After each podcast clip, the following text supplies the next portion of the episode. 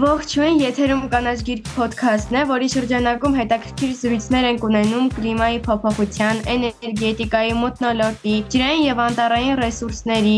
էկոհամակարգերի վերաբերյալ ոլորտի փորձագետների հետ, ակնկալելով ստանալ մեզ հուզող հարցերի պատասխանները։ Իսկ մեր այսօրվա հյուրն է Հարություն Ալպետյանը։ Հարություն Ալպետյանը թափոնների կառավարման փորձագետ, ծրագրերի ղեկավար եւ դասախոս է Հայաստանի Ամերիկյան համալսարանի Հակոբյան բնապահպանական կենտրոնում։ Իր ներկայիս աշխատանքն ուղղված է խթանելու անցումը դեպի շրջանաձև տնտեսություն, իրազեկման, կրթության, նորարարության, միջոլորտային համագործակցության եւ քաղաքականության բարեփոխումների միջոցով։ Հարությունի աշխատանքային շրջանակն ընդգրկում է ազգային քաղաքականություն եւ ռազմավարություն, պատասխանատու սպառման եւ արտադրության մոդելներ, թափոնների կառավարման եւ աղբավայրերի շահագործման պլանավորում, վարքագծի փոփոխություն եւ այլ թեմաներ։ Շնորհակալ ենք հրավերն ընդունելու համար։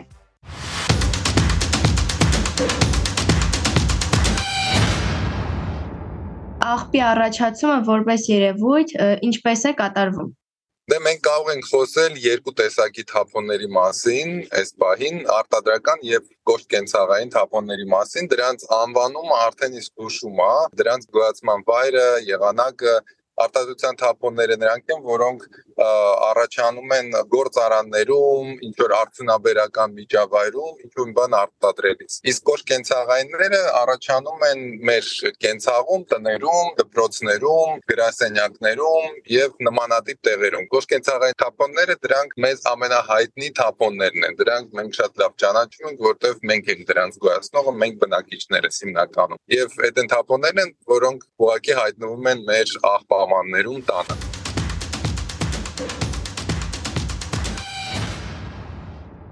Ինչպիսի վտանգ են ներկայացնում թափոնները աշխարհում եւ Հայաստանում։ Թափոնների վտանգավորության մասին երկու իմաստով կարելի է խոսել։ Կարելի ասել, որ բոլոր թափոնները վտանգավոր են եւ վտանգ են ներկայացնում իրենցից, թե բնության համար, թե հանրային առողջության համար, թե այլ սոցիալական օրինակ իմաստով կարող են վտանգավորություն ներկայացնել բայց պետք է նշել նաև որ տարբերում են վտանգավոր եւ ոչ վտանգավոր թափոններ։ Դե կարելի է ասել, որ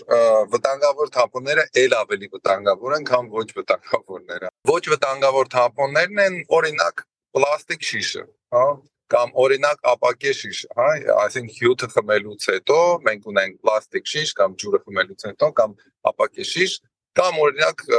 թղթի թափոններ, հա դրանք վտանգավոր չեն։ Եթե ես տետրս օրինակ դպրոցում իմ դպրոցական տետրս գրել եմ, դրացրել եմ, վերջացրել եմ, այդտեղ չկա ինքը եւ ինձ էլ պետք չի, հա, եւ պատրաստում դա դենն է դել, դա թափոնա ոչ վտանգավոր որոնք են վտանգավոր թափոններ օրինակ տանը վերանորոգում եք արել եւ ներքի տարա ունեք հա ներքի ներքից հետո ինչ որ ներկամանա մնացել, հա, դա վտանգավոր թափոն է։ Եթե ունեք ինչ որ ջերմաչափ կոտրված, էլեկտրոնային ինչ որ մի սարք, որը փչացել է, եթե օրինակ հատկապես մարտկոցը, մարտկոցի մասին է խոսքը գնում, փչացած հին մարտկոցները, հա, դրանք շատ հայտնի վտանգավոր թափոն են։ Ինչով են ընդհանրապես թափոնները վտանգավոր, ինչ վտանգներ կան։ Թափոնները վտանգավոր են նախ եւ առաջ այն ժամանակ, երբ որ իրանք չեն վերամշակվում, չեն վնասազերծվում եւ գնում են աղբավայր։ Ամենավտանգավոր իրանց գործածությունը դա աղբավայր տեղադրելն է աղբավայրում։ Ինչի՞ որովհետև վտանգավոր թափոնները, հատկապես վտանգավոր թափոնները հայտնվելով աղբավայրերում Դրանք ի վերջո թունավոր նյութեր են արտադրում, հա, ու եղանակային պայմաններից ելնելով ջերմության, արևի ջերմության ազդեցության տակ, գուցե անձրևի ազդեցության տակ, այդ թունավոր նյութերը ի վերջո լվացվում են հիմնական անձրևի ձյան կողմից եւ ծորալով գնում հասնում են նաեւ ի վերջո ստորերկրյա ջրերը հաղթոտում են նաեւ օդը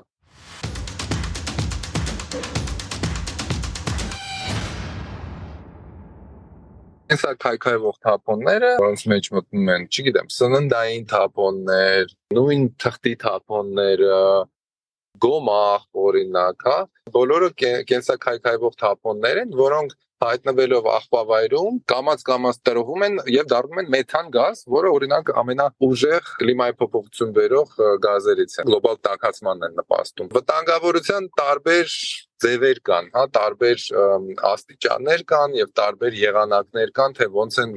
թափոնները ազդում։ Բավականին անսպար թեմա է, որի մասին շատ շատ շատ երկար կարա խոսել, բայց հիմնական բաները ես ասացի։ Հիմնականում դրանք օթի, ջրի, հողերի աղտոտման խնդիրներն են, որ թափոնների սխալ գործածությունը կամ աղբավայրում տեղադրելը փաստորեն բերում է իր հետ։ Նաև աղբավայրերում եւ աղբավայրերից դուրս թափոնները այրվում են։ Բոլորս գիտենք, որ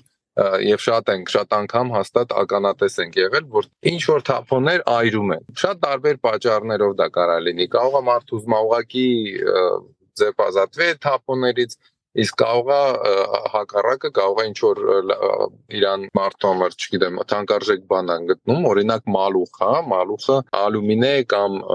բղնձե մալուխ է, որի այդ մեկուսիչը իզոլյացիան, հա, օրինակ պետք չի մարդկանց պետքա մետաղը եւ դրանք վառում են այդ մալուխը ամբողջությամբ որ այդ մեկուսիչը վառվի գնա եւ մնա մետաղը շատ հեշտ ձև է չէ այդ մեկուսիչից ազատվելու եւ ունենալու մաքուր մետաղ բայց դա շատ-շատ մեծ վնաս է հասցնում մեր հանրային առողջությանը նախ եւ առաջ, որովհետեւ այդ մալուխը այրելիս արցակվում են գրեթե ամենաթունավոր գազերը, ամենաքաղցկեղածին գազերը։ Դրանք եւս օրինակ թափոնների վտանգների մեջ են մտնում, թափոնների սխալ գործածության վտանգների մեջ։ Ինչպես է կատարվում թափոնների վերամշակումը։ Արդյոք այն արդյունավետ է եւ Հայաստանում իրականացվում է վերամշակում։ Թափոնների վերամշակումը կախված է իրանց տեսակից, հա, ամեն թափոն հիմնականում կախված նյութից, որից որից է թափոնը բաղկացած է հիմնականում, կախված դրանից է ձևավորում իր վերամշակման ձևը։ Եթե դա օրինակ ապակի թափոն է, հա, ապակի թափոն է, ինչ որ շիշ օրինակ, Այդ շիշը հիմնականում ինչ են անում, ամպակի թափոնները առաջին հերթին աղում են, հա, մանրացնում են եւ հալեցնում են։ Այդ հալեցված արդեն ապակի massայից ստանում են նոր նոր արտադրանք, հա, նոր շիշ կամ նոր ինչ որ տարա, ցանկացած մի բան։ Նույն բանը կատարվում է օրինակ մետաղների հետ, հա, մետաղները մանրացվում են, հալեցվում են եւ հետո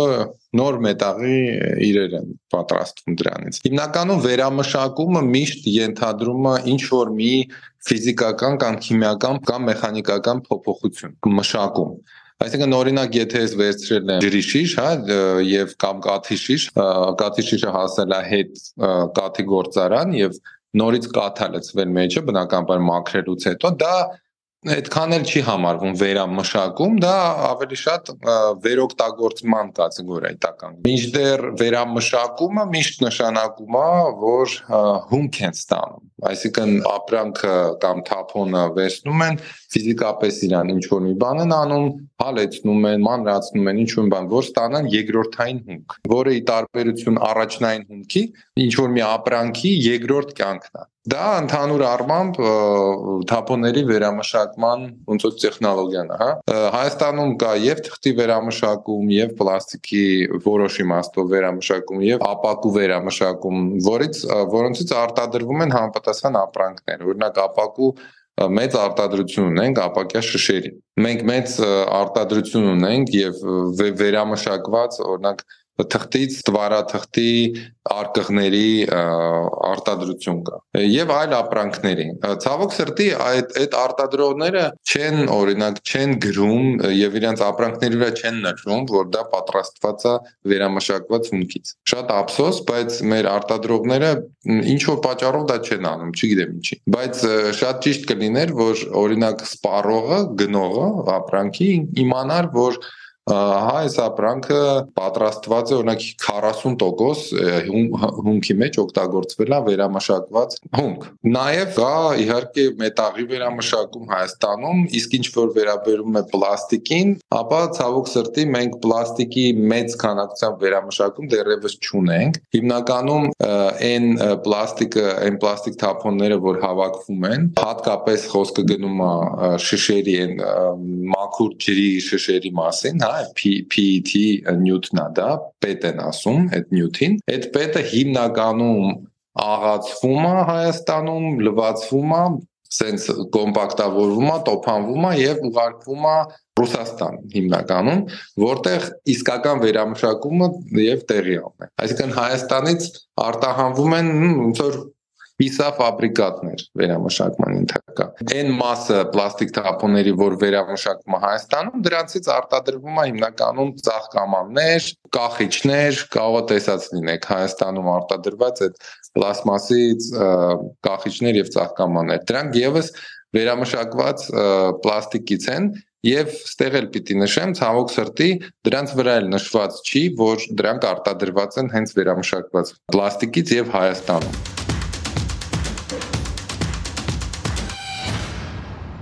Դուք նշել եք, որ մենք ունենք աղբավայրերի եւ աղբեր լուրջ խնդիրներ։ Ինչպեսի քայլեր կարող եք առաջարկել, որպեսզի դրանք լուծենք։ Շատ ցավոտ հարց է Հայաստանի համար աղբավայրերի հարցը, քանի որ մեր հիմնական այն գործողությունը, որ արվում է աղբի հետ, դա աղբանոց տանելն է։ Տեսեք, մենք կարող ենք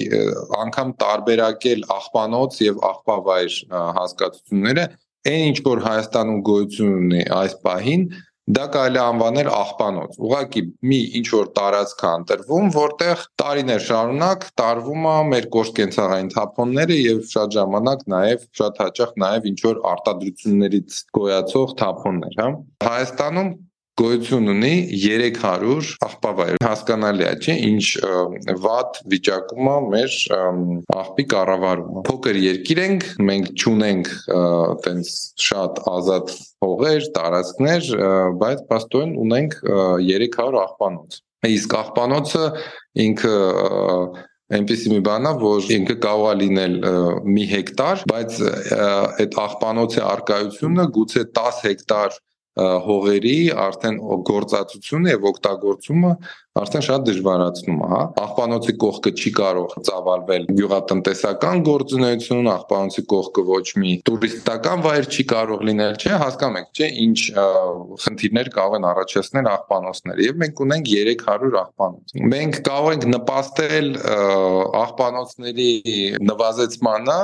աղբանոցների թվի միայն ավելի քիչ աղբ ուղարկելով աղբանոց բայց դա էլ թե ոնց անել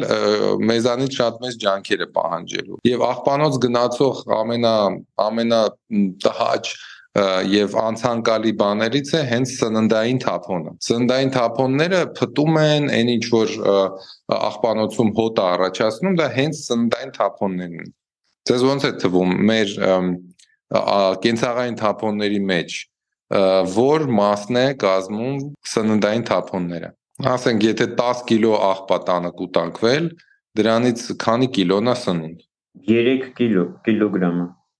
Այսինքն կարծում եք 30%-ն է։ Երևի 50%-ը, կեսը։ Անուշը ավելի մոտ է ճշմարտությանը Հայաստանի համար ընդհանուր միջինում այո 50-ից ավել է մոտավորապես սնդային թափոնների տոկոսը մեր կենցաղային թափոններում բայց ես դες ասեմ որպես հրազդանի բնակիչներ մեր արած ուսումնասիրությունների համաձայն հրազդան քաղաքը 6 քաղաքների մեջ ամենաբարձր տոկոսն է ունեցել սննդային թափոնների։ Կարծես թե 62% էր սննդային թափոն հրազդանում գոյանում կենցաղային թափոնների մեջ։ Եվ մյուս շատ անցանկալի բանը, ինչպես նշվեց հաղորդման սկզբում, դա վտանգավոր թափոններն են։ Այդ երկուսը։ Եթե մենք կարողանանք գոնե մեր սննդային թափոնների ինչ որ մի մասը չուղարկել աղբավայր, չտեղադրել աղբա, արդեն իսկ մեծ նվաճում կլինի։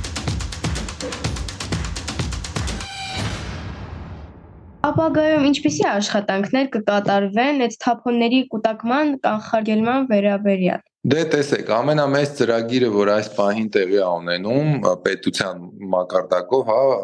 դա Կոտայ Գեղարքունիք կոշտ կենցաղային թափոնների ծրագիրն է, որը իրենից ենթադրում է, որ արկա աղբավայրը, որը հրազդանում է գործում, փակվելու է եւ դրա կողքը կառուցվելու է նոր սանիտարական աղբավայր եվրոպական չափանիշների համաձայն եւ այդ երկու մարզի Կոտայքի եւ Գեղարքունիքի բոլոր եղած աղբավայրերը դադարեցվելու է դրանց շահագործումը եւ այդ երկու մարզի բոլոր համայնքների կենցաղային աղբը գալու է Հրազդանի նոր նոր սանիտարական աղբավայր։ Այսինքն մոտ 40-50 աղբավայրի շահագործումը դադարեցվելու է այդ երկու մարզում։ Այդ երկու մարզի համար մնալու է մեկ աղբավայր, որը ավելի լավ աղբավայր է, քան այն աղբանոցները, որ հիմա կան, հա, եթե տենց հեշտ բարձ փորձենք բացատրել։ Նաև բոլոր համայնքներում այդ նշվածս երկու մարզի նորացվելու են աղբամանները եւ նորացվելու են աղբատար մեքենաներ։ Այսինքն համայնքները ունենալու են նոր աղբահանության համակարգ եւ դա կսկսի այս տարվա վերջից այլ մարզերի մասին բան չեմ կարող ասել եւ նաեւ կա մի լավ ծրագիր որը մի քանի քաղաքներում ծրագրեր են արվում դրանցից մեկը շվեդիայի կողմից ֆինանսավորվող մի ծրագիր է որը Սևան համայնքում սորտավորման համակարգաներ դնելու, այսինքն կոշկենցաղային թափոնները սորտավորվելու են եւ տեսակավորված թափոնները գնալու են վերամշակման։ Դա էլ Հայաստանի ամերիկյան համալսարանն է այդ ծրագիրը իրականացնում։ Կան մի շարք ծրագրեր, որոնք տենց համայնքի մակարդակով հիմնական թափոնների տեսակավորում են ուզում ներդնել, փորձում ներդնել, որը շատ կարևոր նախապայման է ընդհանուր առմամբ թափոնների կառավարման համակարգը նորացնելու եւ բարելավելու։ Ինչպես է կատարվում թափոնների հավաքումը եւ ինչպես է ճիշտ կազմակերպել թափոնների հավաքում։ Թափոնների հավաքումը ունի իր տենց սանիտարական ոնց որ պահանջները, հա։ Կան ինչ որ ստանդարտներ, նորմեր, որոնց հետևելը ուղակի կերաշխավորի թափոնների ճիշտ հավաքումը։ Օրինակ, եթե աղբամանը լցված է 2/3-ով, այդ աղբամանը պիտի դատարկվի այսինքն աղբանություն իրականացնող օպերատորի կողմից պետքա գա եւ հավաքվի այդ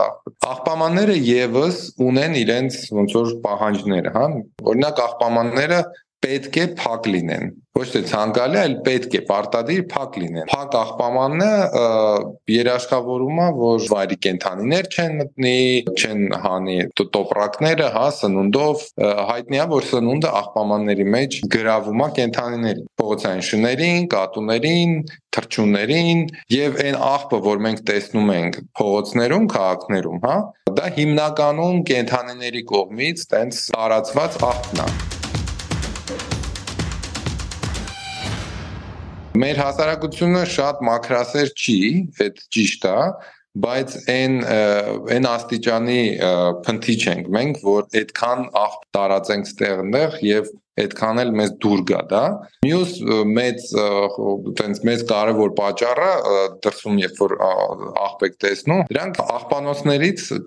եկած աղբն է էլի մարդկանց ձեռքով շատ շատ ավելի քիչ բան է տարածվում այո կան մարդիկ որ քչում են այս կոմեն կողմ իրանցից հետո չեն հավաքում օրինակ չգիտեմ խորոված ուտելուց հետո բայց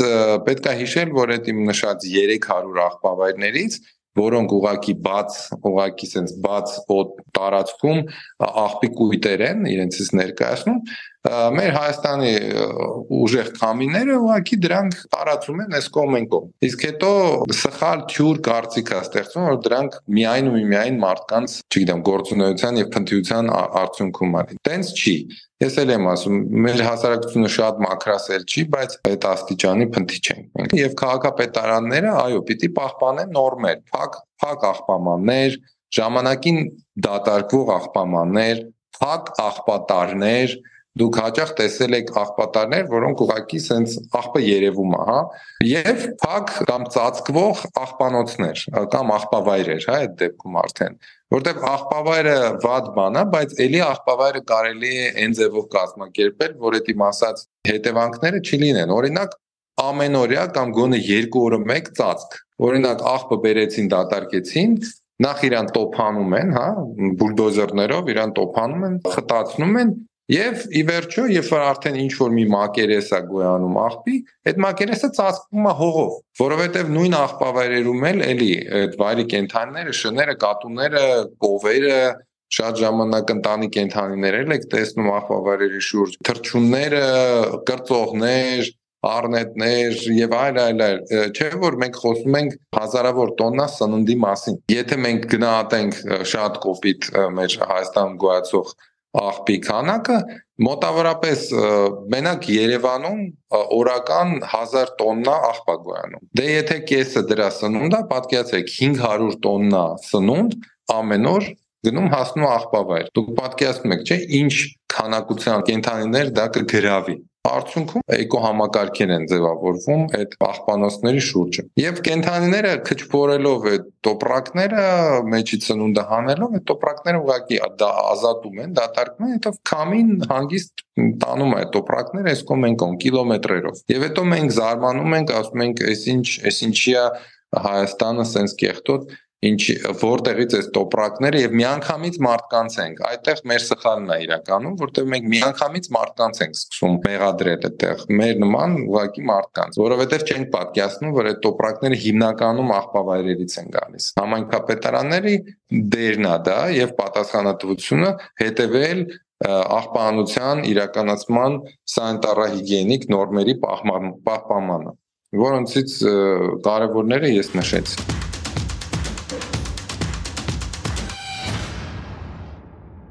ինչպես է իրականացվում աղբակույտերի ոչնչացումը կամ արդյոք կարող ենք աղբակույտերի կողքին վերամշակման ինչ-որ կայաններ դնել Եթե խոսքը գնում է աղբանոցների եւ աղբավայրերի մասին, իրական եղած արդեն աղբավայրերը մի քիչ մի քիչ դժվար է եւ թանկ է նստում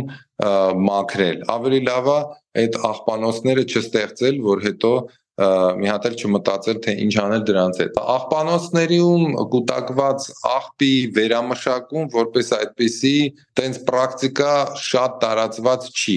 ինչի որովհետև աղբանոցում նույն թափոնները այն այն թափոնները որոնք ինչ ինչ որ արժեք էին իրանցից ներկայացնում այդ արժեքը կորցնում են նորից խառնվելով թունավոր թափոնների հետ սննդի հետ լինելով բնական պայմաններում, ասենք արևի տակ, անձրևի ձյան տակ, այդ թափոնները ուղակի կորցնում են իրենց արժեքը։ Մի, մի այլ հարց է նաև ուղակի արդյունաբերական իմաստով դա այդքան էլ հեշտ չի, այսինքն կողք ունենալ աղբավայ, աղբավայրի կողք ունենալ ինչ որ գործարան եւ ընդեղից այդ բաները բերել այդքան հեշտ չի եւ այդքան արդարացված չի տեխնիկապես Դրա համար ամբողջ աշխարհը, գոնե պրոգրեսիվ աշխարհը եկել այն եզրանկման, որ տեսակավորումը պետք է անել, առանձնացնել է պետք արդեն իսկ սկզբնաղբյուրում, որտեղ որ թափոնը գոյանում։ Այսինքն մեր կենցաղում, հա արդեն այդտեղ առանձնացվի, որ թափոնը մաքուր ձևով հասնի վերամշակման գործարան։ Իսկ եթե արդեն աղբավայրումը շատ ավելի սահմանափակ գործողություններ կարելի է անել դրա հետ։ Աղբանոցների վերածումը եւս շատ թանկարժեք, թանկ գործողություն է, որովհետեւ շատերին թվում է, որ հերիքա ուղակի հողով ծածկել աղբանոցը եւ դա կվերանա, բայց չէ որ աղբանոցը տարիներ շարունակ աղտոտել է հողերը եւ գուցե ստոր երկրաջրերը եւ եթե մենք ուզում ենք պատշաճ 100%-անոց ձևով իրականացնել աղբանոցի կամ աղբավայրի փակում եւ վերացում մենք պիտի հա, ուրեմն մտածենք արդեն հողի օրինակ ռեկուլտիվացիայի մասին հա այստեղ մի քիչ բարդ բան եմ տերմին եմ օգտագործում ուղղակի այդ հողը աղտոտված է հա ասենք քիմիկատներով աղտոտվել է նավոր նյութերով եւ այդ հողը պետքա ուղղակի մաքրել դրա համար էլ հենց թանգանում է այդ ամբողջ փակման բան բայց ցավոք սրտի շատ դեպքերում մենք որպես ոչ այդքան հարուստ երկիր, ստիպված ենք լինելու մեր աղբանոցները ուղակի ինչ որ մի հող, հողի ժերտով ծածկել կամ ծածկել դրանք շինարարական օրինակ քանդման աղբի շերտով։ Օրինակ նման պրակտիկա էլ կա, որ քանդման թափոնները բերում են եւ դրանցով ծածկում են եղած աղբավայրերը։ Ստեղից հետևություն, որ շատ ավելի ճիշտ է չկուտակել չունենալ մեծ աղբավայրեր։ Ովքեր են հիմնականում պատասխանատուները եւ ինչ կարող ենք անել մենք։ Դե տեսեք, աղբահանություն իրականացնող հիմնական պատասխանատուները դրանք համայնքապետարաններն են, հա կամ իրենք պիտի կազմակերպեն դա կամ ուղակի իրականացնեն բայց այս բոլոր իմ ասածներից པարզ է որ աղբի կառավարման թափոնների կառավարման գործում բոլորը իրանց դեր ունեն այո եւ բնակիչները Եվս բնակիչները ինչ կարող են անել։ Բնակչությունը կարող է ուղղակի մտածել ինչպես ավելի քիչ աղբ ուղարկել աղբավայր, հա, եթե բոլորի ոնց որ գեր նպատակը դա լինի, շատ մեծ փոփոխությունների կարելի է գալ։ Բնականաբար պետք է մարդիկ իմանան ինչ անեն իրանց աղբը։ Եթե դա հնարավոր է, մարդիկ կարող են ունենալ թեկուզ ոչ գյուղական միջավայրերում բայց ինչ որ կոմպոստացման ու գյուղական միջավայրում շատ ավելի հեշտ կլինի։ Կետեր կարող են ունենալ թաղամասի մասշտաբով օրինակ կամ ինչ որ տենց բակային կոմպոստացման ինչ որ բաներ կարող են ունենալ, որովհետև ելի պիտի կրկնեմ, հիմնական վնաս պատճառող բաներն են սնունդը աղբավայրերում եւ թունավոր բաներ։ Հնարավորինս պակասեցնենք ինչ որ թունավոր բաների օգտագործումը, եթե կարելի է ավելի քիչ փաթեթավորում օգտագործենք, այսինքն քիչ աղբ ստեղծենք, այդ որպես սպառողներ, բայց որպես բնակչություն, որպես պատասխանատու բնակչություն մենք նաև կարող ենք պահանջատեր լինել այն բաներին, որտեղ օրինակ պատասխանատու են համայնքապետարաններ։ Ես նշեցի որոշ սանիտարական նորմեր, որոնց պահպանության մոնիտորինգը, օրինակ, եւս կարող է բնակչությունը իրականացնել։ Օրինակ, ինչի՞ չէ, երիտասարդները կարող են նախ ուսումնասիրել այդ նորմերը, հետո գնալ համայնքապետարան եւ ասել, գիտեք ինչ, դուք պիտի, չգիտեմ, այս հաճախությամբ տանեք, բայց դուք տանում եք երկու անգամ ավելի ուշ։ Դրա համար կուտակվում է աղբը, կենթանիները գալիս են, հասնում են քչփորում են եւ տարածվում այս աղբը եւ մենք ապրում ենք ցենց կեղտոտ պայմաններում կամ նույն աղբամ փակ աղբամանների կամ բաց աղբամանների խնդիրը, հա, ասենք կափարիչներ չկան եւ եւս դրան կարելի է օրինակ պահանջատեր լինել, ասել որ սա սանիտարական նորմերով պահանջվող բան է պետքա փակ աղբամաններ ունենալ, հա եւ այն եւ այլն նույնը վերաբերում է աղբավայրերին հա գոնե եթե ոչ ամեն օր գոնե եթե ոչ շաբաթը մեկ բայց եթե ամիսը մեկ գոնե ինչ որ չափով ծածկվեն աղբանոցները կամ աղբավայրերը հողի շերտով կամ քանդման թափոնների շերտով ես վստահ եմ որ այն տոպրակների օրինակ պոլիէթիլենի տոպրակների այն քանակը որ մենք հիմա տեսնում ենք գնալով կնվազի Բնակչությունը իր անելիքները ունի, այո, համայնքապետարանները իրենց անելիքները ունեն, պետությունն էլ իր անելիքները ունի։ Բնակչությունը պետք է պահանջատեր լինի այն բաներին, որ պիտի ստանա որպես ծառայություն համայնքապետարաններից։ Եվ երիտասարդությունն էլ շատ մեծ դեր կարող ունենալ այդտեղ։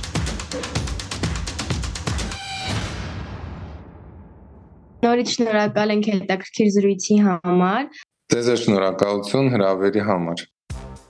Դե իսկ մենք հիշեցնենք, որ եթերում կանաչ գիր ոդքասթներ, մենք հասանելի ենք գրեթե բոլոր հարթակներում, այնպես որ բաժանորդագրվեք ոդքասթին նոր հաղորդումները բաց չթողնելու համար։ Իսկ մենք կհանդիպենք շատ շուտով։